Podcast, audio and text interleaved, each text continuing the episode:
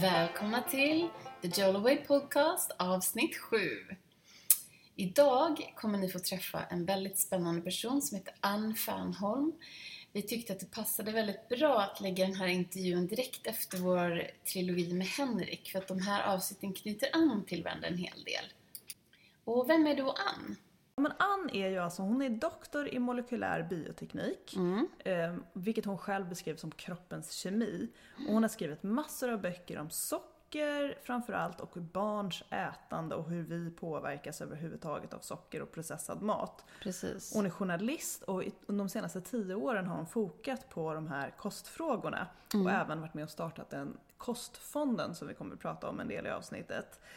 Ehm, så att därför så ville vi såklart prata med Ann, för hon är ju en, en ehm, vad ska man säga, en, en riktig... guru inom framförallt socker och hur Ja. det påverkar oss människor kan man säga. Och kost generellt Ja. sett. Och hur, kost, hur man forskar på kost. Precis som Henrik så har hon en gedigen bakgrund eh, inom journalistik och hon är också forskare, vilket är sjukt coolt. Det är sjukt coolt. Hon syns ju i DN, Svenskan. Hon har skrivit i San Francisco Chronicle, Fokus, Forskningen Framsteg, Ny Teknik, Dagens Medicin, med mera, med mera. Hon sticker ut hakan en del också, Ja. eh, vår goda Ann. Bland annat så sågar hon en av våra favoriter, Michael Greger. Ja. Eh, eller en av hans studier som vi tar upp i avsnittet och påstår att, eh, eller hävdar att den här studien kanske inte är, håller riktigt måttet för vad Ja. hon då känner ska vara en, en, en nivå som man ska hålla inom forskning för att det ska vara trovärdigt helt Mm. enkelt. Så att, eh, men, men så här, vi gillar fortfarande Michael Greger och vill ni höra mer om honom och kunna ställa det här lite emot det som Ann säger så kan ni lyssna på ett av våra favorit eh, avsnitt med honom som var en intervju med Melissa Ambrosini. Mm. Eh, avsnitt nummer 241 i hennes podd. Och hennes podd heter The, The Melissa Ambrosini Show. Exakt. Och Det är finns- för övrigt en väldigt bra podd. Mycket bra podd. Och den finns där alla poddar finns. Ja, och där vår podd finns. Exakt. och vi kommer själva också spela in eh, minst ett avsnitt där vi pratar om de här frågorna, bara, bara jag och Lolo. Och där vi pratar jättemycket om Michael Greger och hans forskning, och liksom, inte hans egen, men han, han är bra på att väldigt bra på att sammanställa sammanställa. forskning. Vi kommer prata jättemycket mer om de här frågorna, vegetariskt, animaliskt, socker, allt Det du är kan ju en tänka dig. gigantisk fråga som vi inte på något sätt är färdiga med efter det här samtalet med Ann. Nej, Men det, nej, det gav oss lite mer kött på benen, lite intressanta vinklar. Ja, verkligen. Så Ehm, där kommer vi bara fortsätta oss prata. Och vi kommer grotta i det mycket mer. Gud ja. Absolut. Men alltså, jag tycker nog snackat. Varsågod, Ann Fernholm. Enjoy! Enjoy!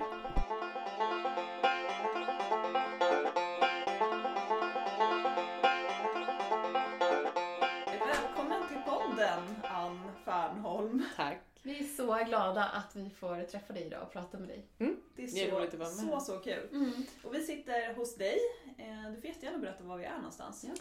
Ja, på mitt eh, kontor. Jag sitter i en frilansgrupp som heter Vetenskapsjournalisterna. Mm. Nära Vasaparken i Stockholm. Superfina lokaler som vi lyckades hitta till. Eh, och varför pratar vi med Ann?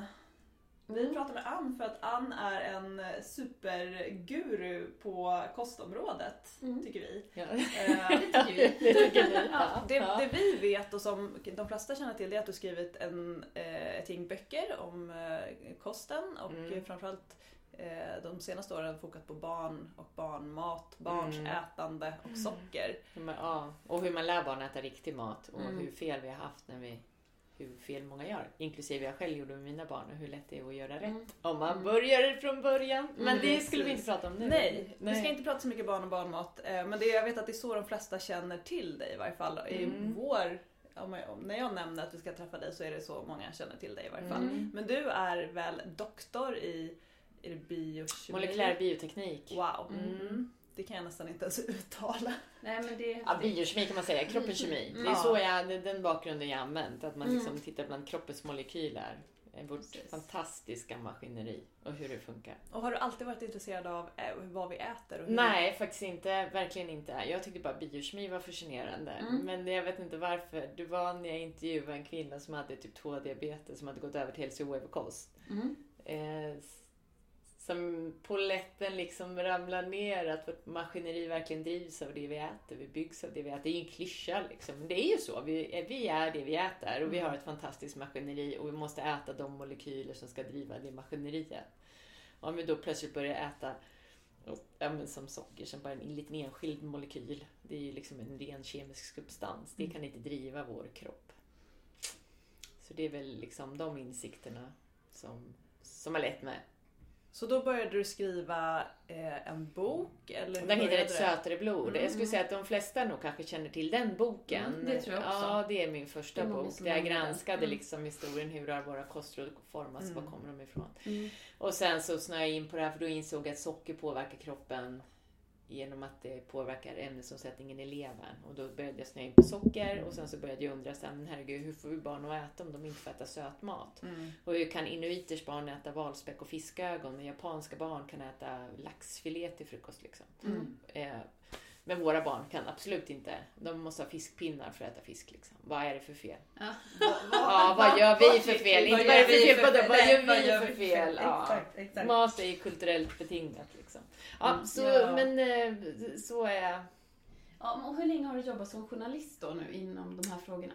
Ja, inom de här frågorna i eh, oh, tio år snart mm. har jag ägnat mig åt att granska kostfrågorna. Mm. Och jag har snart varit journalist i 20 år. I 20 år? Mm. Wow. Innan det skrev jag om nanoteknik och bioteknik. Ah. Det kan jag sakna ibland.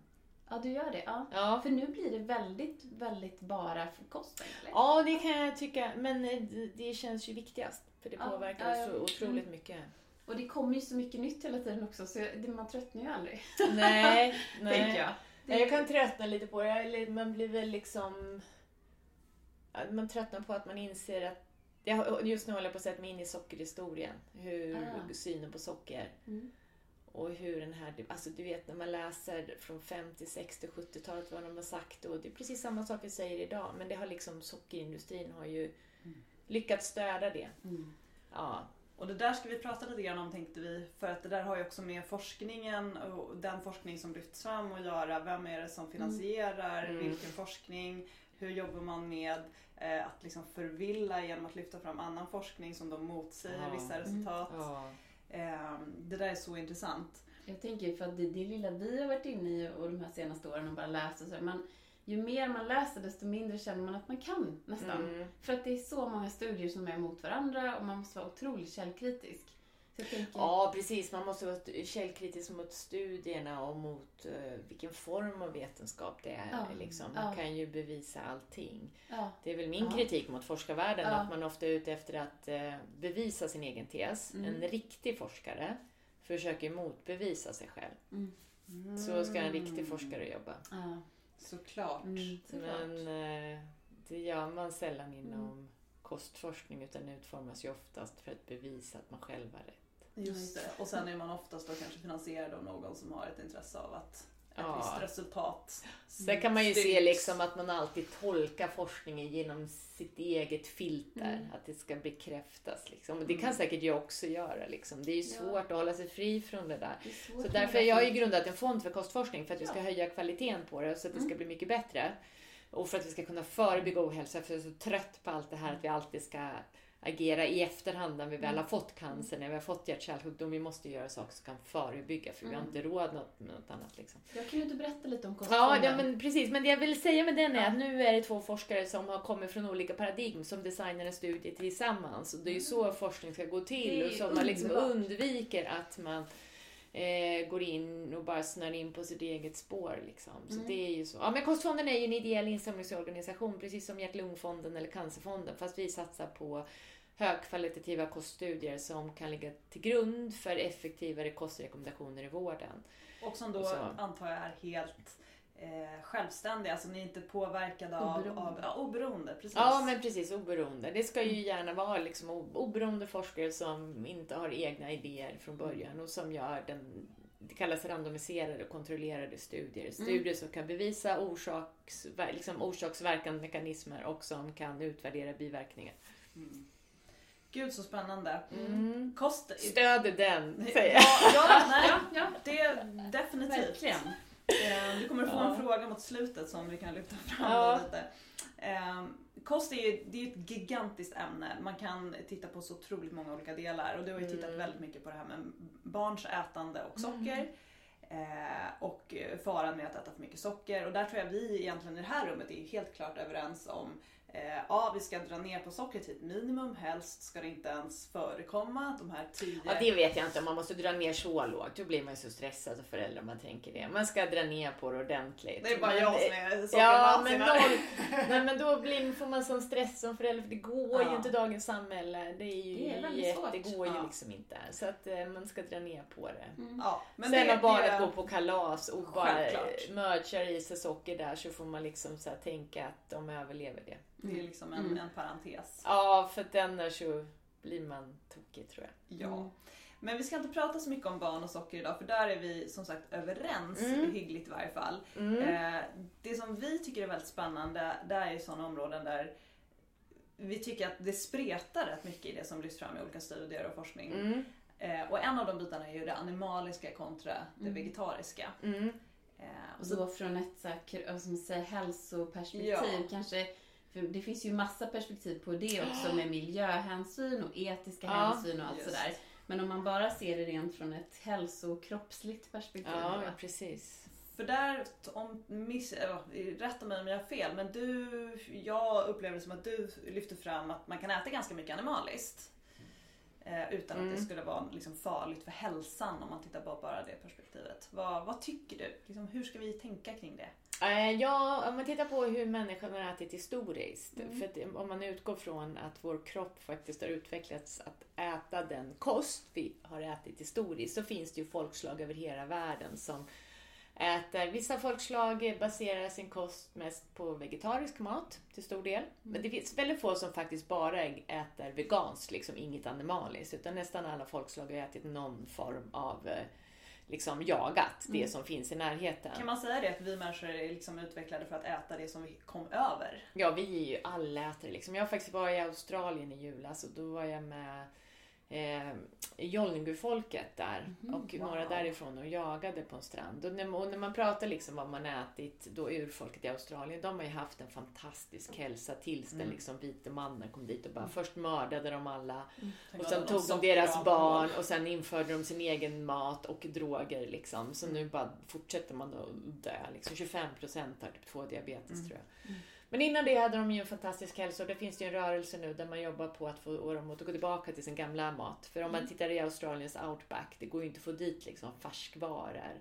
Så den mat som kommer dit är ju den här hållbara extremprocessade maten som består av socker och vetemjöl eller typ så här sötad kondenserad mjölk var det någon som tog fram och mm. pressade på en macka. Liksom. Mm. Men när de började jaga, liksom, vi var ute och jagade stingrocka Eh, tyvärr fick de ingen så jag fick inte smaka med det. Men vi jagade också mud crabs. Alltså krabbor som hade, tidvattnet gick ut. Det var så här jättelång grundstrand. Så stod det träd där på stranden. Samma groveträd och vid deras rötter kunde det fastna krabbor och under stenar när tidvattnet gick ut. Så vi letade efter sådana. Vi hittade en faktiskt som vi käkade. Mm.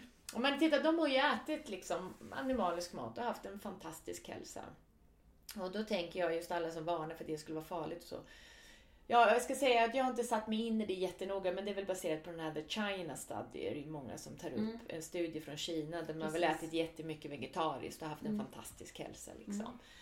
Men då lyfter ju typ alla inom LCHF-rörelsen fram inuiter som ju har ätit jättemycket animalisk mat mm. och haft en fantastisk hälsa. Tittar man på samer så har de kunnat leva på rökt rött renkött och haft lägre risk för cancer än övriga skandinaviska befolkningen och absolut ingen ökad risk för tjocktarmscancer eller så. Man har ju haft massajer som har levt på blod, kött och mjölk. Liksom. De har ganska mycket benskörhet väl?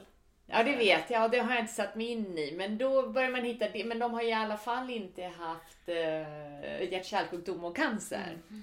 Som man nu säger att rött kött ger. Eh, och då, och tittar man liksom Alltså jag brukar säga så här, om man tittar på inuiter som har sagt att de har haft en fantastisk hjärt-kärlhälsa. De har sagt att det är för att de äter mycket omega-3, eller hur? Mycket fisk. Fransmännens fantastiska hjärt-kärlhälsa, alltså de röker typ nästan mest, mm. kanske inte mest i Europa, men mest i västra Europa liksom.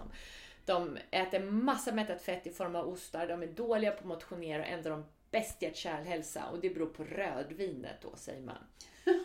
Sen har vi grekerna som har en fantastisk hjärt-kärlhälsa via, och då är det olivoljan. Mm. Sen har vi de här gamla gubbarna på yoghurtförpackningarna. Det är folk från norra Kaukasus. De har fantastisk hjärt-kärlhälsa för att de äter så mycket yoghurt. Mm. Sen har vi japanerna som har haft jättebra hjärt-kärlhälsa. Då är det för att de har ätit en lågfettkost. Men söderut på Okinawaöarna där de har haft flest hundraåringar i hela världen. Mm. Där är det för att de äter sig 80% mätta i vissa förklaringar. Andra förklaringar är att de har ätit eh, en slags sötpotatis. Och, och, och, och sen så, så har vi det finns ett folk i Hunsadalen i norra Himalaya. Jag tror det ligger i Pakistan idag. Det ligger, ligger liksom på gränsen mellan Pakistan och Indien. Där är det för att de har ätit så mycket aprikoser. Där haft, därför har de mått bra. Så har vi massajerna då. Då har man sagt att de har haft en extraordinär omsättning av sitt kolesterol. Och sen har jag läst någonstans att nordamerikanska indianer, deras fantastiska hälsa beror på att de andas genom näsan. Ah, mm. Fantastiskt. Så vad kan man dra för slutsats? Ja, vad, vad, skulle ni säga? Nu har vi sett, nu har alla de här enskilda förklaringarna för alla folken. Om vi istället ja. reducerar till vad har de gemensamt? Ja. Vad är det som är gemensamt? Ja men givetvis är det ju den oprocessade maten, att man ja. äter det som finns tillgängligt, det är färskt, det är liksom oftast direkt. Ja, och en låg, låg konsumtion av socker liksom. Ja. Och vetemjöl. Mm. Och grekerna, medelhavskosten, när den definierades som nyttig så fick de 2,5% av sina kalorier från socker. Den har, mängden har vi liksom passerat halvvägs genom mm. frukosten. Mm. Liksom, den mängd de åt på en dag. Men så här då, då, för igen, vi är ju överens om att sockret är liksom nästan mm. till djävulens påfund.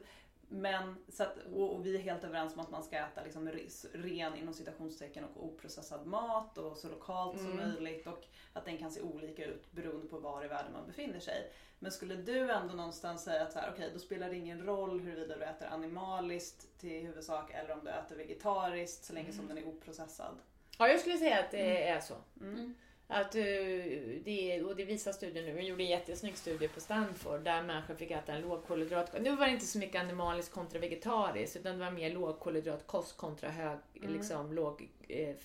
Men då var det fortfarande, för jag läste den där och ja. då var det fortfarande inom citationstecken bra fetter som de tog upp. Det var liksom inte smör. Nej men det finns andra var... som håller på att göra, Kostfonden finansierar en sån studie med mycket animaliska fetter och de har gjort det bara tre. För det är det som är så intressant. Men eh, absolut, det mättade fettet. Men om man tittar på grunden för att varna för mättat fett, som jag har gått igenom, framförallt i ett sötare blod. Mm. Eh, den grunden var ju jättebräcklig från början, mm. från att varna. Sen har vi bara fortsatt att varna. Nu när alla varningarna satt sig så mycket så ska man behöva bevisa att det är ofarligt Precis, ska man motbevisa det? Ja, fast det mm. liksom inte finns någon grund. Och då kan man ju se att alla de har ju liksom tagit bort det mättade fettet i yoghurt och tillsatt socker istället. Så har vi gjort ett dåligt byte för hälsan. Liksom. Och då det finns nog ingen ledande nutritionsforskare i världen idag som skulle säga att socker är bättre än mättat fett. Så, och, men sen vill jag liksom säga så att det, det, finns ju också människor som upplever att när de tar bort köttet, till exempel en kille som han har Bechdels sjukdom. Mm. Det är ju en... Eh, det läste jag nog, det har du skrivit ja, en del om. Ja, det finns, det, vi har en stor, han, det ligger på Kostfondens sajt, han har mm. gjort en, eh, han cyklade runt Vättern, gjorde Vätternrundan för Kostfonden. Eh, mm. För han mådde jättedåligt och han fick läkemedel mot sjukdom. Det är en sån autoimmun sjukdom mm. där man behöver bromsa immunförsvaret. Liksom. Och då fick han läkemedel för det, han mådde jättedåligt och så på den nivån att han fick självmordstankar. Liksom. Mm. Så kände han antingen måste jag sluta med det här läkemedlet eller så dör jag. Och då så uh, hittade han en sajt om just att lägga om kosten för att bli av med typ gäst i tarmen. Mm. Så testade han det och han tog bort allt rött kött. All, all liksom, han har tagit bort alla spannmål, allt socker. Åh oh, gud, hur har han gjort med mjölkprodukter? Jag tror han har tagit bort dem också. Och mår jättebra på det. Och märker mm. framförallt om man äter socker eller spannmål så mår han jättedåligt. Mm. Och han kan äta lite rött kött. Om man tuggar långsamt och äter lite, blir det för mycket så märker han skillnad. Liksom. Mm. Så jag skulle säga att det finns ju ingenting som är för alla. Och det finns till exempel i New York Times läste jag att det faktiskt eh, man har upptäckt en sjukdom som sprids av fästingar där man kan få köttallergi. Så att man på den nivån att nästan dör om du äter rött kött plötsligt efter ett fästing, fästingbett. Ja, det är något speciellt område i USA där de här fästingarna finns. Och så när du får ett bett med den fästingen som skickar in och protein i blodet så kan du utveckla köttallergi och bli jätteallergisk mot kött. Wow. Så att ja, det är liksom, man måste ju ha allians. Det är inte så att kött passar alla och Nej. veganskt Nej. passar liksom alla. Men det, men det som är med veganskt som jag tycker är problematiskt, för man pratar sällan om att kött är extremt näringstätt. Man säger så att det finns mycket näring i grönsaker, det är så mm. nyttigt, du måste äta grönsaker, bla bla. Men om du jämför en köttbit med broccoli så är det ju extremt mycket mer vitaminer i kött. Det är inte så mycket fibrer i kött, men vitaminmässigt så är det väldigt, väldigt vitaminrikt. Det här är väldigt intressant tycker jag, för att det här är någonting, precis som du säger, som sällan lyfts fram. Ja. Utan det är hela tiden och de vitamin och mineral och, och fina förpackade grönsakerna. Ja. Och att man ser på kött kanske som mer som en farkost för protein. Ja. Eh. Men man snackar inte till exempel. Och järnet då, då, då pratar man just det. Om man tittar inom veganrörelsen och säger att kött är verkligen ingenting vi ska äta och det är vi inte gjorda för, det är farligt. Bla bla. Då kan man ju se att kroppen tar upp järnet från kött tre gånger effektivare än järnet från vegetarisk eller vegetabilier. Mm. Och så skulle ju inte kroppen fungera om det inte var så att vi var gjorda för att äta kött. Och då har till och med något som heter köttfaktorn. Så att om du äter kött tillsammans med vegetarisk mat så tas järnet i vegetarisk mat upp lättare av kroppen. Mm. På samma sätt som C-vitamin underlättar upptaget av järn. Det är som öppna dörren. Ja, mm. så det precis du öppnar lite dörren för järnet. Och det sker också med fisk och kyckling och så. Så det är det som är köttfaktorn. Och det skulle inte finnas där om vi inte faktiskt var utvecklade för att äta det här. Så jag ser ju människan som allätare och vi kan bara lägga ner den debatten, tycker jag. Vi ska, ska folkhälsan stärkas så måste vi titta på den processade maten, mm. liksom. På magnumglassarna med 32 mm. ingredienser och sluta snacka om rött kött. Sen är det ju som ni säger med klimatet och så, det är en annan fråga. Det, det är en och det behöver vi...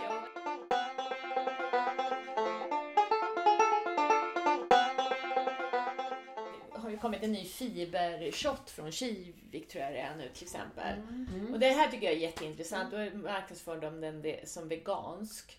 Mm. Och då består själva shotten utav rödbetor som man har pressat till en rödbetssaft så alla fibrerna har försvunnit. Mm. Sen fibrerna, fiberkötten, kommer från så här, jag tror det heter cikoriarot. Mm.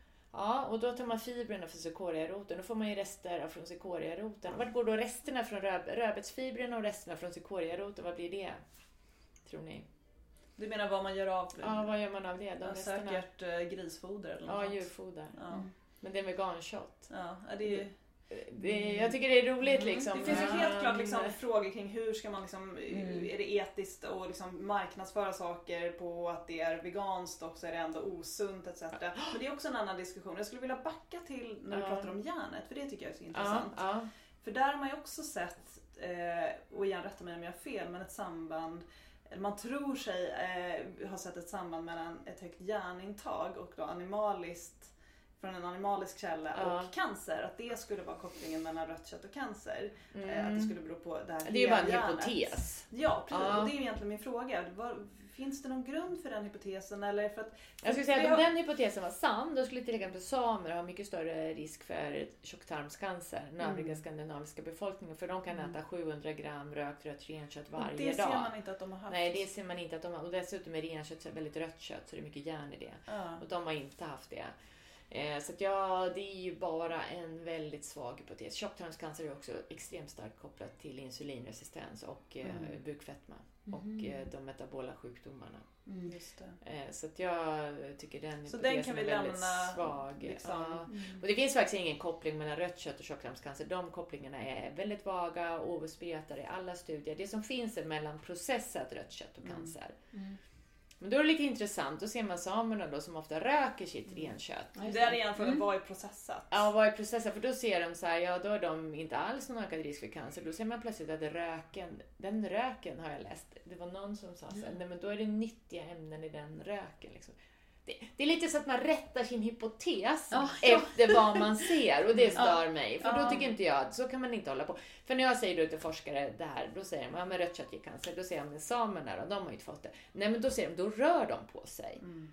Men då måste ju säga, hur då skydda motion mot att järnet i kött ger kött, tjocktarmscancer. Mm. Men då har man plötsligt en helt annan förklaringsgrund. Så mm. hoppar man mellan olika förklaringar. Och det är så får man inte jobba så här, i vetenskap. Det man förlorar på gungorna tar man igen på karusellerna. Ja, nej, men det är lite... Det är liksom...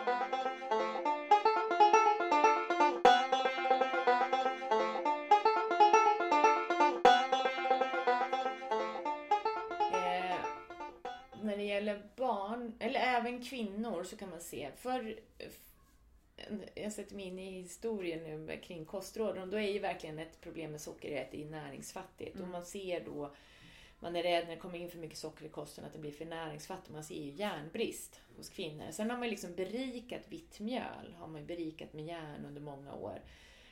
Men då gillade inte industrin att man berikade mjölet i Sverige med järn för att då kunde man inte exportera mjölet för man skulle inte berika andra länder. Så då fick man bort berikningen i svensk mjöl. Det här har jag läst och de hade granskat det. Ja, och, och då har man ju sett att järnbristen har ökat hos unga kvinnor. Jag skulle säga att det är väldigt få unga kvinnor som äter en vegankost som är så extremt nyttig så de får i sig allt järn som de behöver. Och dessutom Dels är det ju så med vegetabilier att järnet tas upp mindre effektivt. Sen så finns det massa ämnen i bönor och sånt som hämmar upptag av järn och zink. Tänker på antinutrienter då? Ja, antinutrienter. Så det blir ju svårt. Det är ju, jag skulle säga relativt många som faktiskt lider brist på näring. Och då kan man se att små barn som får järnbrist, det vet man att det påverkar. Det kan påverka hjärnans utveckling. Jag tror du var inne också på i någon podd att det skulle kunna ge upphov till ADHD. Ja, men man ser koppling mellan beteendeproblematik. Mm. Det finns en studie publicerad i Läkartidningen där man har gett barn som har en låg födslovikt, där järndepåerna inte räcker. Man, man säger ju att järn, barn måste, bebisar måste börja få järn vid sex månaders ålder. Men då ser man med de som har en låg födslovikt som föds med ganska lite blod i sig, deras järndepå räcker inte så mm. länge som ett halvår. De föds med en viss järndepå barn. Och då gjorde man en studie där man gav dem järn tidigare och då ser man att just beteendeproblematiken vid fyra års ålder har gått ner till en fjärdedel. Wow. Om jag minns rätt nu. Och det är ganska mycket ja. Och då, och då ser man, det vet man ju från länder där man har många undernärda barn, att mm. man får en bestående skada på hjärnan mm. om man får järnbrist. Och då är det ju så idag att kvinnor, om de, nu kollar man ju alltid järnbrist på gravida kvinnor och mm. så. Och man får järntabletter och man är väldigt noga med att kolla upp det. Men det är ju för att det är otroligt viktigt att man har en bra järnstatus. Liksom. Men jag har en kompis som åt vegetariskt och hon, hon, hon, efter sina graviditeter och så hade hon så otrolig järnbrist. Hon gick och var jättetrött i flera år innan hon fattade att det var järnbrist. Liksom. Mm. Och jag tycker att man behöver vara väldigt uppmärksam på att man kan det påverkar ens liv. Liksom. Det är så här diffusa symptom. Det är ju inte så här klockrent du har järnbrist. Utan det är ju att man går och är trött hela mm. tiden, man mår dåligt. Och där, ja. jag, har ju ätit vegetariskt väldigt länge nu, ja. så jag, jag gör ju sådana små koller ja. ibland då för att kolla järnet. och då hade jag för, nu kanske det var, nu är det några år sedan, tre år sedan, då hade jag järnbrist. Och då, det, men då, hade, då kände jag ju verkligen det också. För jag blev väldigt yr och jag kände mig väldigt trött och andfådd och sådär. Och vad, hur gjorde du då? då? Fick då fick jag äta järntabletter. Eh, jag försökte också lite med lite mer inte så att jag inte skulle behöva äta det, för de här tabletterna har ju lite andra effekter också ja, på lite stopp i magen. Ja, men precis. Men, så jag försökte med lite annat, så här nässelavkok och försökte då ja. lite, igen då det här det ja. vegetabiliska. Och liksom försökte med det och jag började faktiskt då äta ägg igen också. Ja. Och sen så nästa gång jag testade, då var allting bra. Men då hade jag, då hade jag faktiskt ätit mer. Då hade jag ätit ägg igen ja. och eh, lite fisk. Så det blev skillnad. Alltså jag, det är lite roligt att experimentera lite med sig själv. Sådär. Men visst tog du ju nu nya och prover? nu har jag också tagit nya prover och då hade jag inget, inga problem med det. Så då låg det bra Men då igen. äter du en ganska liten del ändå. Du äter lite ägg och du äter lite fisk. Men ägg och fisk är inte jättejärnrikt liksom skulle jag nej, säga. Inte. Det, nej, det är det inte. Det var det jag tänkte. Men äter du fortfarande järntabletter? Ja. Nej, jag har inte ätit järntabletter sen 73 år. För då har ju du uppenbarligen ändå lyckats få i dig tillräckligt ja, med järn från då huvudsakligen vegetabilier. Ja, för jag äter ju nästan ingen fisk Nej.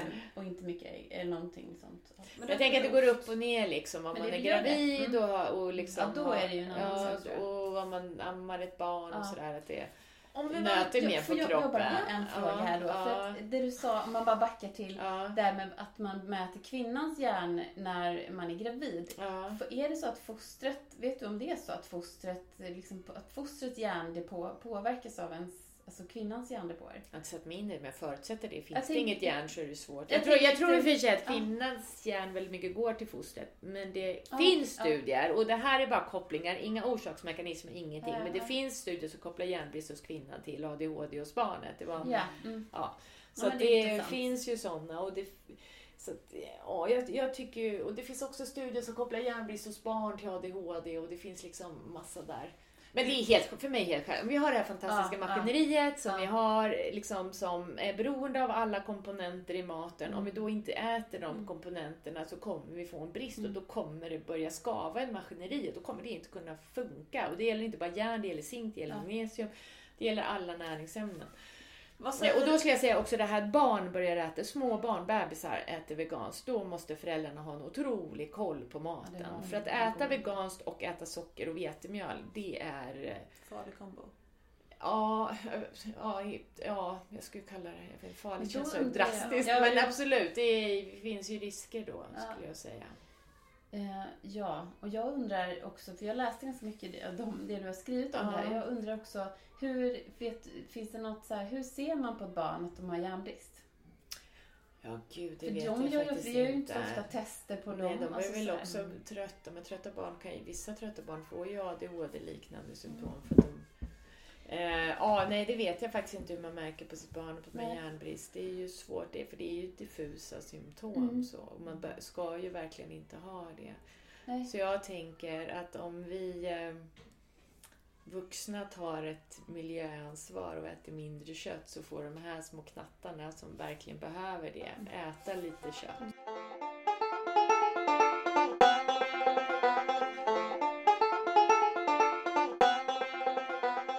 Det här med etiken och naturen och allting så är det ju lite så också som jag eh, tänker på och som också Naturvårdsverket skriver att kor och sånt håller ju faktiskt betesmarkerna öppna och det är viktigt för bina och allt det här. Så vi har ju, och man behöver gödsel från kor för att gödsla åkrar och sånt. Vad tänker du om det som, som Att tänker det, på det ja, här att det etiska? finns ett liksom? här naturligt ekosystem. Ja. Jo, men jag kan tycka, jag tycker liksom, det tycker jag är, det är som en fantastisk del i vårt, alltså på vår jord på något sätt. Ja, Men det är den här, vi har ju, det har ju gått överstyr, det är så jag tänker. ja, Att det är liksom, det finns ju knappt sånt kött som du får tag i. Alltså det, allting är så storskaligt. ja, Det är mer det jag tänker. Det är så industrialiserat och vi kör kött över hela jorden för att Ja. få hit det.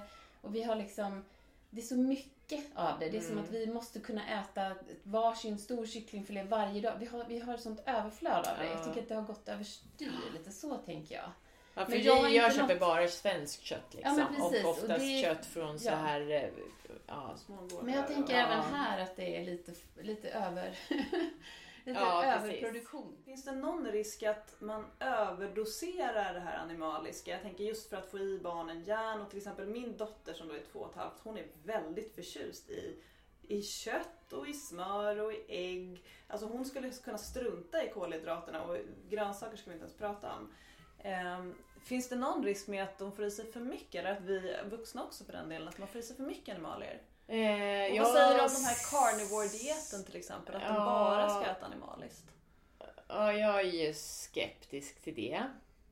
Det finns ju vissa som använder det för behandling om du, om du har problem med magen och verkar ha fått en rubbad tarmflora och ett tag svälta ut tarmfloran och sen etablera en ny. Liksom. Jag har inte satt mig in jättemycket i det, men det är ju en, kan...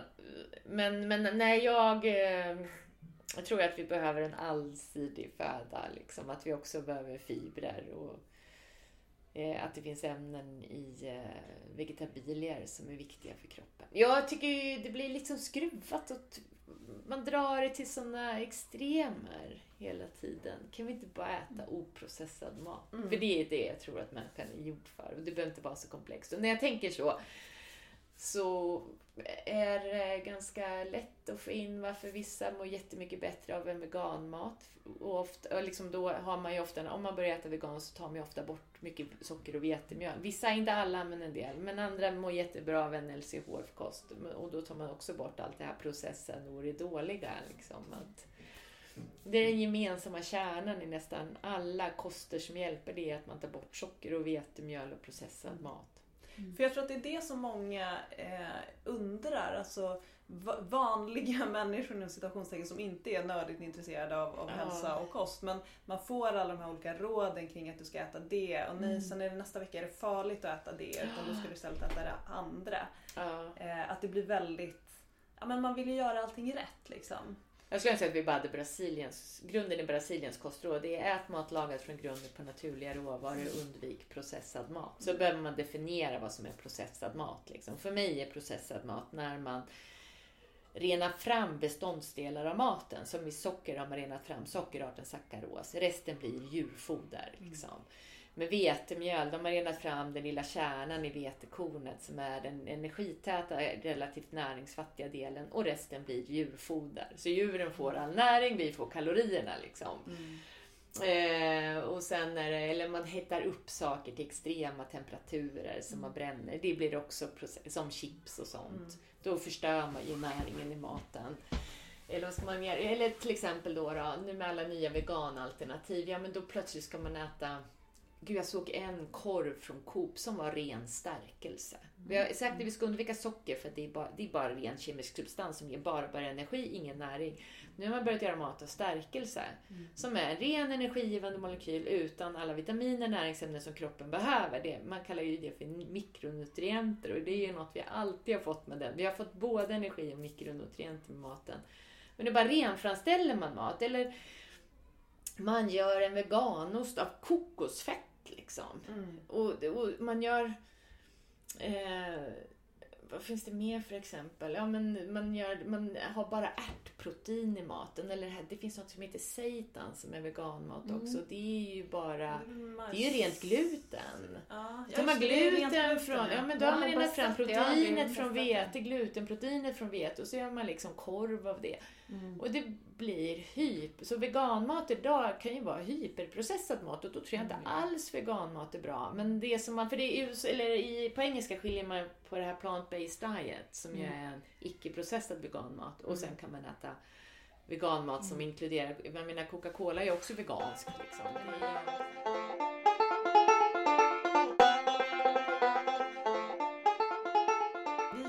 Överens om att försöka äta så oprocessat som möjligt. Mm. Eh, och där tror jag de flesta forskare liksom är, är, är, helt överens. Nej, det skulle jag inte säga att de är. Inte det? Nej, nej, nej. nej. Det finns väl massa forskare som tycker jo, det är jättebra med, med vetemjöl och lite socker. Ja. Det är ju inga problem om du... Ja. Eller det jag tycker, det är många som är överens om att vi inte ska överäta socker. Men det som är en brist i forskarvärlden är att man tittar inte på hur väldigt mycket socker vi äter mm. utan man utgår från vad folk själva rapporterar. Livsmedelsverket eh, tittar på, när de bedömer hur mycket socker svenskarna äter så skickar de ut enkäter till oss mm. och så frågar de hur mycket socker äter ni och vi svarar så här, vi äter motsvarande 4,4 kilo godis per person och år, godis och choklad per person och år.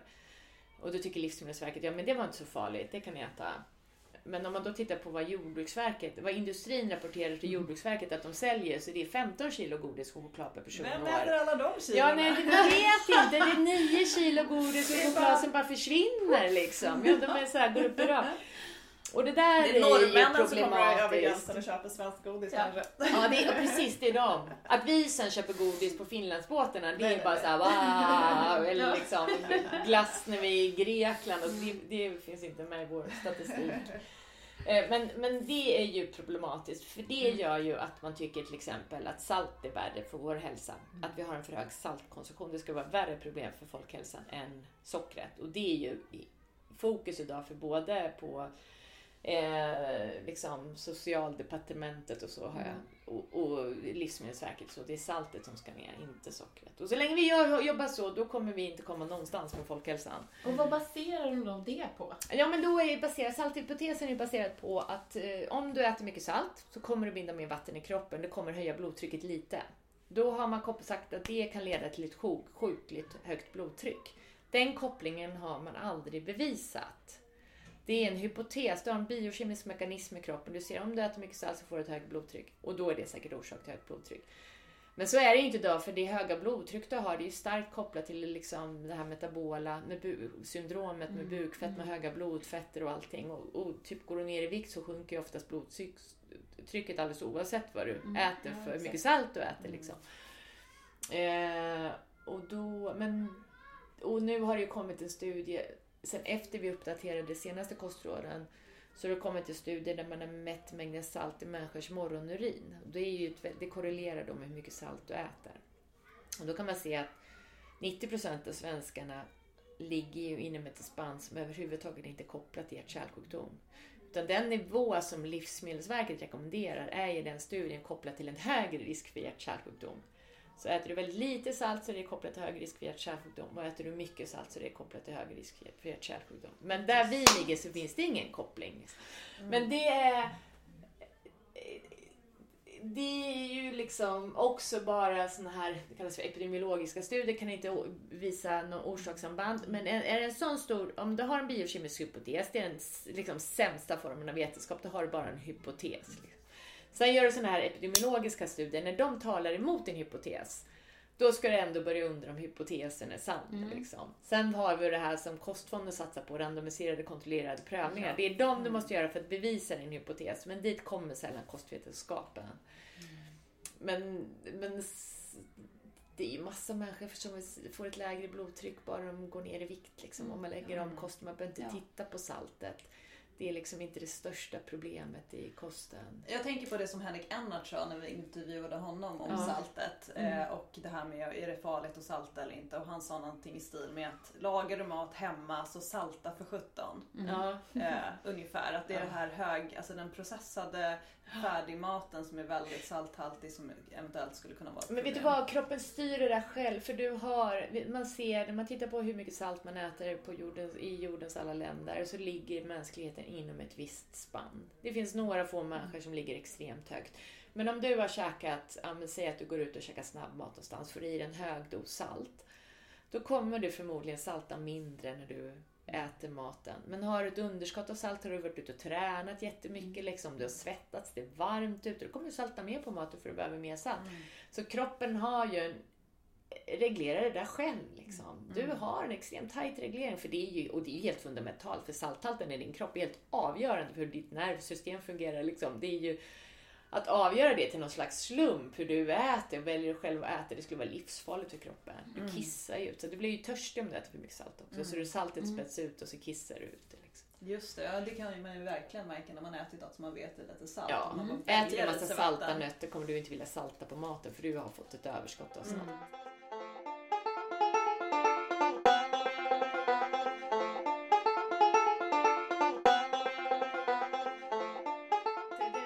Tycker med Brasiliens kostråd. Ja, vi kommer tillbaka till dem. För de tycker jag är så roligt, den här mm. icke-processade maten, att man ska äta det. För sen har de också sin kostråd, det här tycker jag är helt underbart. Ät gärna mat tillsammans med andra om du kan. Mm. Liksom, njut av maten, lär dig laga mat mm. och dela recept med andra och inspireras av andra. Tänk om vi hade de kostråden. Så matbejakande liksom. Mm. Njut av maten, se till att du delar, se till att maten blir en trevlig del av ditt liv. Inte bara så här du får akta dig för kalorierna och du får inte äta det och inte äta det och liksom så här. Mm. När vi har blivit ganska, det har blivit så mycket i västvärlden ah, att vi, maten har blivit någon slags, alla har också en egen liten regim som man kör och, ah. och liksom, nej men du kan inte jag äta det och det och det och det, ah. då går man upp i vikt och det. Så det har ju verkligen blivit, vi förlorar, och inte alla ska man ju inte säga, det är inte så i alla länder, men det är fortfarande väldigt många som har ja. stor liksom, matkonst och ser liksom, måltiden och njutningen i den. Men ja. det, är, det är väldigt mycket fokus också på det här med vikt. Men jag tänker också men... på att det där knyter väldigt fint an till, till eh, hur man då har lyckats leva länge och friskt i de här blå zonerna. Ja. Där handlar det inte bara om vilken typ av mat man äter och de andra bitarna som rör sig och sånt utan just den här sociala gemenskapen ja. och att sitta ner och dela en måltid mm. i lugn och ro. Och det kan man ju också säga kring det här som du var inne på med Frankrike och hur man har hållit mm. sig hälsosam där trots att man äter då mat som kan anses då vara farlig och det är en massa rött vin och, och feta ostar och rökning. Men man äter långsamt. Mycket inälvsmat käkar de. Ja, ja, ja det gör de. Men de har ju verkligen en stor kultur kring att ja. samlas kring måltiden. Ja. Och de äter lunch i två timmar. De äter extremt bra mat liksom. Ja. Om man som jag ser att man ska äta en icke-processad mat så är ju fransmännens kost helt fantastiskt bra liksom. Mm. Och alla de här så. opastöriserade ostarna. Vi har ju börjat ja. äta väldigt mycket ost hemma. Mm. Jag är gift med en halvbelgare och han älskar ja. ost. Ja. Så att vi äter ju så ostbricka flera dagar i veckan. Och jag äter ju det och tycker typ att det är nyttigt nu. För det är bara en massa bra bakterier. Och, så tänker jag på, på dig Jan som ändå förespråkar att det är okej med det mättade fettet. Jag behöver mm. inte tänka att det, att det är farligt. Nej.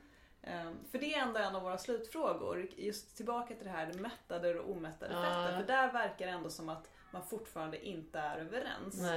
Uh, och där tog jag ju upp bland annat då Michael Greger som har skrivit uh, en massa böcker och har ju nutritionfacts.org där han lägger ut en massa information. Och nu läser jag boken, en riktig tegelsten som heter How Not To Diet som är hans uppföljare mm. till How Not To Die. Mm. Och han är ju väldigt plant-based. Ja. Uh, och han skrev då i något kapitel som jag läste nyligen att eh, äter du för mycket mättat fett så kommer du att öka risken för insulinresistens för att dina muskler blir sämre på att ta in eh, och känna av insulinet.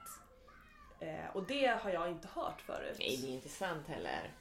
Då skulle jag vara insulinresistent till exempel. Och det var intressant att han också hänvisar, han, det är ju han, han hänvisar till en studie också där man har tagit eh, slanka eh, personer som då äter både kött och eh, alltså en ja. blandkost. Ja. Eh, som är då lika slanka och, och ser så sunda ut som en då lika slank eh, vegan eller vegetarian i varje fall.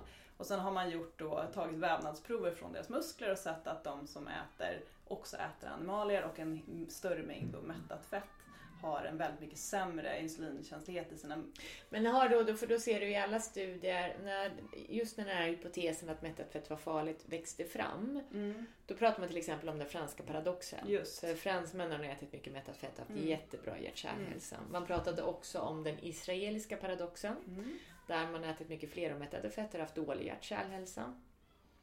Eh, så det finns ju massa länder som inte uppfyller det här. Liksom. Det mm. passar inte in i paradigmet. Pusselbitarna passar helt enkelt inte ihop. Och då är det så att tittar du på eh, mängden socker i kosten då, så gick den hand i hand med mängden mättat fett. Och det säger de också ofta, liksom, att du börjar äta mer rött kött, mer mättat fett och mer socker. Mm. Då vet du inte vilka av de komponenterna mm. som är det som orsakar det han mm. säger att du har fett insprängt i musklerna. Har han kontrollerat, när han gör det där försöket, har han kontrollerat för allt annat de här människorna käkade? Var det verkligen bara så att de åt mer mättat fett? Eller åt de också när är det i USA liksom? Då... Jag vet inte exakt hur den här studien går till. Utan, Äter du mycket animalisk mat i USA så dricker du ofta en läsk till. Liksom. Ja precis. Ja men ofta är det kanske de här de animalierna och, och det röda köttet. Ja. Då är det kanske i form av en hamburgare med ett hamburgerbröd och en som dessutom är sprängt med socker ja. och pommes frites eller vad det kan vara. Så För gör en samma liksom, studie på en fransmän mm. som äter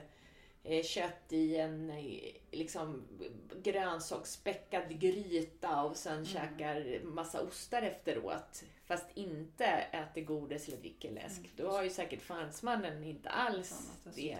Mm. Ja, det är det man hoppas. För, det, för just när jag är tillbaka till barn och mat igen. För jag kan ju stå och, och igen, jag vill ju nästan säga till mig själv för jag står och liksom klyver nästan hårstrån inser jag. När jag står där och jag vet att det är viktigt att barnen får i sig fett Eh, och ska jag då ha smör i deras havregrynsgröt eller ska jag ha rapsolja? Då tänker jag smöret, oj, men du vet, får de i sig för mycket mättat fett nu?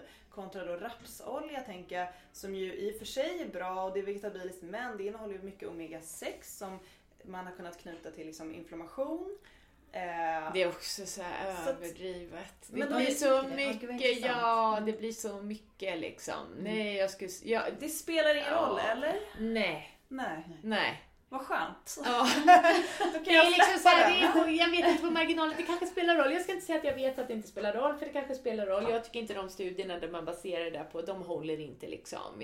Hypotesen att omega-6 skulle vara farligt och driva inflammation. De molekyler som man bildar från omega-3 och omega-6 som driver inflammation, det reglerar kroppen. Mm. Det är lite som att kroppen reglerar mängden kolesterol som kroppen själv tillverkar ut efter hur mycket du äter. Så det är så... Det finns så mycket hypoteser om saker mm. som är så farligt. Liksom. Mm. Det var någon som skrev till mig nu att det finns lecitiner och grejer i... Var det sötpotatis skulle plötsligt vara farligt liksom. Men, men mm. man äter ju, det kallas ju jams, det märkte det alla urfolk liksom. Mm. Att det, det är många som tycker då att vegetabilier är farligt för att det innehåller så mycket antinutrienter och det skulle mm. vara livsfarligt för oss. Men, mm. nej, men är man till exempel, har man levt i Australien så är det liksom eh, vad heter det, outback och typ levt på den mat som finns där. Så man, det är ett litet barn här utanför, vi har dagis nära. Ja. Han skriker bajskorv in i... Skriker bajskorv, vad roligt. Ja, en liten grön hjälm på sig. Ja, nej men eh, de har ätit det som fanns. Och ja. Ja. Vi ska bara luta oss lite tillbaka och äta och njuta av maten. Var lite mer avslappnade. Ja, inte. För jag upplever att man kanske börjar bry sig om sin hälsa och ta bort processad mat. Då börjar man liksom oroa sig för tusen miljarder saker. Liksom. Det är det som händer lite. Ja. För man vill ju vara bäst i klassen liksom. Ja. Och göra rätt. Ja, och, och, men, och de som då inte bryr sig, de bryr sig ingenting. Liksom. Mm. Och så blir det, det blir lite... Vi ska äta riktig mat. Mm. Ja, och en, men en sak jag tänker kring köttet och också kring grönsaker är väl också hur de hur, hur de har haft det, hur djuren har haft det, vad, hur mycket antibiotika som har stoppats i. Alltså, det finns så mycket andra grejer också som kan påverka alla sådana här studier. Gör ja. stud, tar du kött i USA, det köttet kanske inte är samma som en köttbit i Frankrike eller i Sverige. Alltså, äh. Det tänker jag också måste spela roll. Framförallt har djuren haft det väldigt djur, olika. Mm, de liksom, väldigt gräsbetande kor i Sverige, jag menar de mm. kanske inte har det jättetrevligt när de slaktas just. Men de har haft ett bra liv. Mm. Det har kanske inte djuren som står ihopträngda mm. i liksom, USA eller grisar som trängs ihop. Mm. Eller, det är ju stor skillnad mm. där. Och det blir stor skillnad på, också på köttet. Och, och även om ja. man struntar i djuret, vilket ju vi inte gör. Men skulle man ändå strunta i djuret så även där så blir det ju en helt annan produkt som man mm. äter. Om det är ett djur som jag tror ur ett hälsomässigt perspektiv tror jag de skillnaderna är ganska små. Ja, det, det inte spelar så stor roll. Ja, jag även tror. antibiotika. Ja, där vi Antibiotika, det, det vill jag inte säga. Och där, mm. där är jag så här. Det var en gång jag läste, mm. det var i Time Magazine, jag läste att eh, McDonalds skulle sluta använda kycklingkött om man hade haft mänsklig antibiotika i uppfödningen. Jag kan säga efter den, mm. efter jag läste, mm. nu gjorde de ju ändring till det bättre men jag har aldrig satt mig fot på McDonalds efter det. Jag blev så jäkla arg liksom. Mm. För det där, och nu måste jag berätta för när jag ja. höll precis på att göra research ja. till en, eh, en, ny bok. Och då så har jag gått igenom 1954. Det är en som driver The Sugar Research Association i USA. En organisation som driver fram forskning kring socker och hur man kan, nya användningsområden för socker. Då berättar han så här 1954 att man har velat ge kultingar artificiell mat, eller syntetisk mat säger han.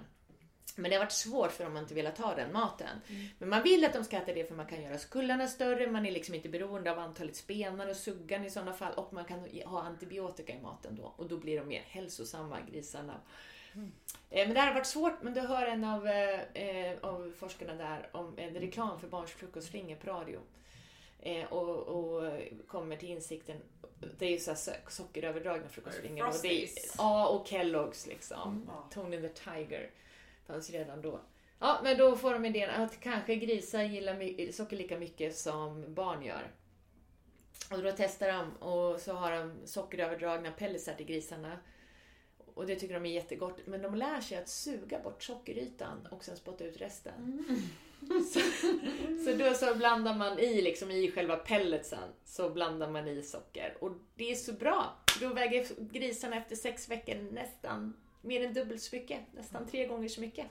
Men lite senare föredraget så, men socker, så kommer den till att det här, oh, liksom, att socker, man beskyller socker för att ge fetma hos människor och det är så oförskämt, liksom, det är ju helt felaktigt. Det är bara så här food faddists kallar, mm. kallar man det för. Det är liksom matfanatiker eller vad man ska säga som säger att socker ger fetma hos människor. Men det är jättebra för det gör oss grisar. Liksom.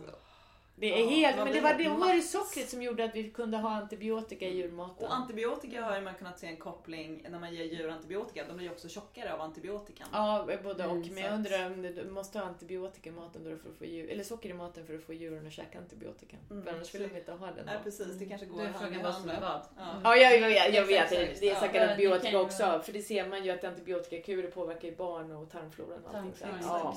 Så det är intressant men ja, det var en liten, ja. liten bi grej. Men det var lite svårt att smälta faktiskt. Den där uh, lyckan över att få i grisen antibiotika. Och det här var 54 och idag vet vi att det har varit liksom en katastrof för spridningen av antibiotikaresistens. Men jag menar så, så, och så var det väl ändå, jag tänker på hela den här sockerkampanjen, så såg det ut i Sverige också. Om vi går inte ens hundra år tillbaka i tiden. att socker var liksom ett billigt, eh, billig energi, ja. utmärkt att liksom fylla ut hungriga magar med. det var liksom det vita, rena, nya, moderna livsmedel som skulle lyfta oss ur fattigdomen. Ja, och tack vare flårtanten så fick vi inte hål i tänderna utan då kunde vi äta obegränsat med socker. Mm. Ja.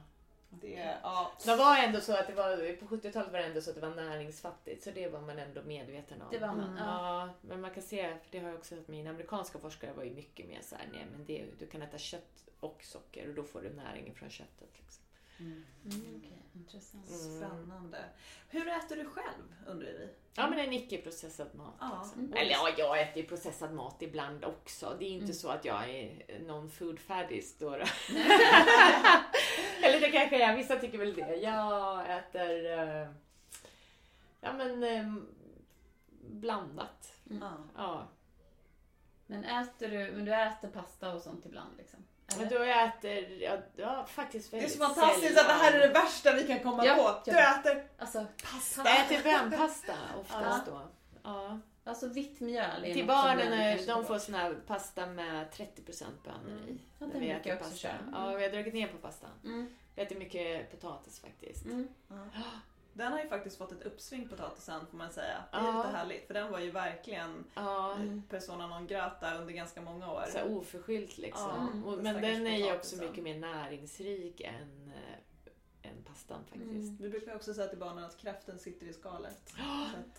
Men mina barn, liksom, när de hade svårt. Jag ogillade potatis själv när jag var liten men mm. när man smörmosar potatisen så blir den ju då blir den jättegod. Jag älskar barnen Allt med olivolja och flingsalt blir gott. Ja, ja, det, ja, precis. Absolut. Ja, nej, men jag äter eh, typ allt fast eh, vissa saker är väldigt mycket mindre mängd än vad jag mm. brukade göra. Mm.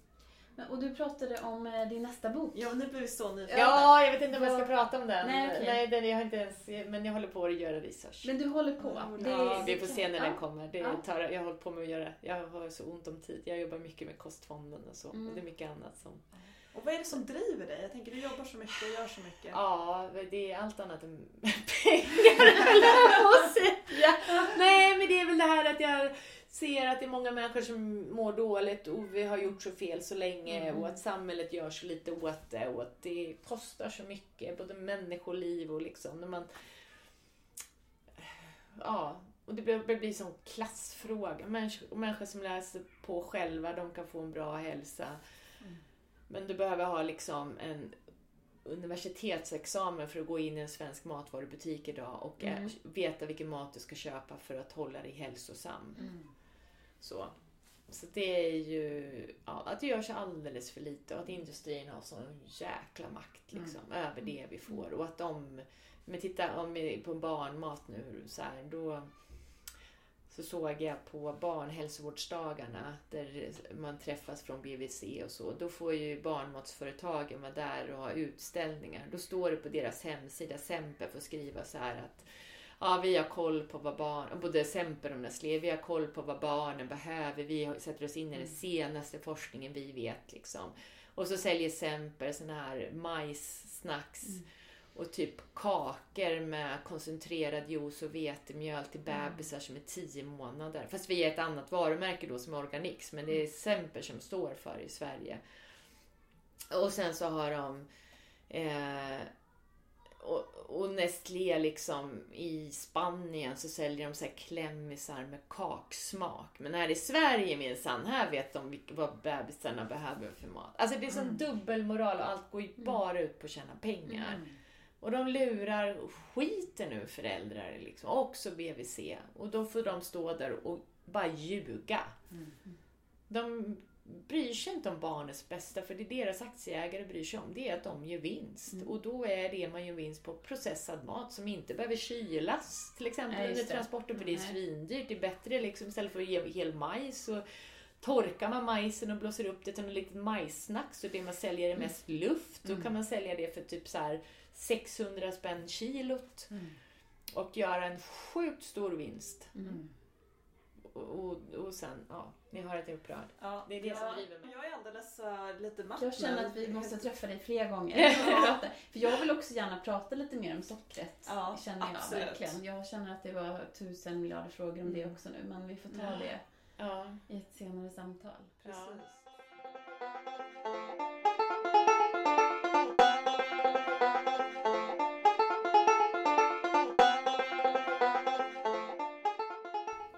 Bästa tipsen för en god hälsa och ett lyckligt liv? Oh, oh lyckligt liv. Oh.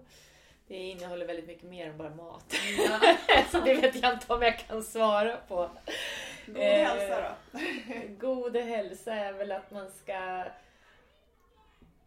ja, men röra på sig, vara ute, äta bra mat och eh, försöka göra saker som man njuter av i livet. Liksom. Ja. Det tror jag är grunden till en god hälsa. Mm. Ja, Njuta av maten, inte ha dåligt samvete. Mm. Det är bra tips. Väldigt, väldigt bra tips. Mm. Vi tänkte också på, eh, finns det någon förebild som du har haft eller har i ditt liv? Och det behöver inte vara en person, det kan vara en bok, det kan vara något, alltså, eh... någonting som har betytt mycket och påverkat dig och satt stor prägel. Oh, ja, men om man tittar på det här när jag började skriva mina böcker, då var det Good Calories, Bad Calories av Gary Torbs, en mm. amerikansk författare. Mm. Den boken var väldigt betydelsefull. Mm. Eh, sen tror jag att den kanske var lite för ensidigt inne på kolhydrater som en klump och jag tror att man måste separera stärkelse från socker. Mm. I, men nu med liksom. Men den var en stor, liksom, den fick mig att få upp ögonen mm. för det här. Eh, den boken kan vi länka till. Absolut. Mm. Gud, vad har jag haft med för... Uh, vilken svår fråga. Jag vet ju att jag haft förebild. Jag kommer bara inte på någon nu. Bara så här. Ja. Jag vet. nej. Ja, nej men... Uh, ja. Du får mejla. Jag har mer mål. Jag har mer mål för... Nej, ja. ja men precis. Ja. ja. Ja, vi, precis som du så tycker vi att det här är otroligt viktiga frågor. Vi vill verkligen försöka att liksom sprida ett så här ja, men ett balanserat och sunt budskap. Ehm, och eh, vi tycker att man ska supporta varandra och lyfta varandra. Så vi vill gärna veta vad vi och de som förhoppningsvis våra många, många lyssnare kan göra för dig och för att hjälpa dig. Ja, vad gulligt. Ja, det är ju att stötta Kostfonden. Bli mm. månadsgivare till Kostfonden. Mm. Sådär. En hundralapp i månaden eller vad mm. man känner att man tycker är vettigt spelar väldigt stor roll för oss. Ja, så det är ju... Och hur hittar vi till Kostfonden? Ja, på kostfonden.se. Ja. Och sen blir man månadsgivare uppe till höger trycker man så här. Jag kommer inte ihåg vad det står bli. Eller mm. det, då får man ner en rullgardin och där står det bli månadsgivare. Går man in där. Kan man signera med BankID. Ja, ja, tack mm. jättegärna. Ja, det är viktigt. Mm. mm. Så är det lätt att hitta. Mm. Ja. Vad bra! Ja. Tack, vad roligt att ha er här. Tack så jättemycket! Tack så för att vi kom och pratade med dig. Vi hade kunnat sitta här hela Ja, absolut. Snälla du.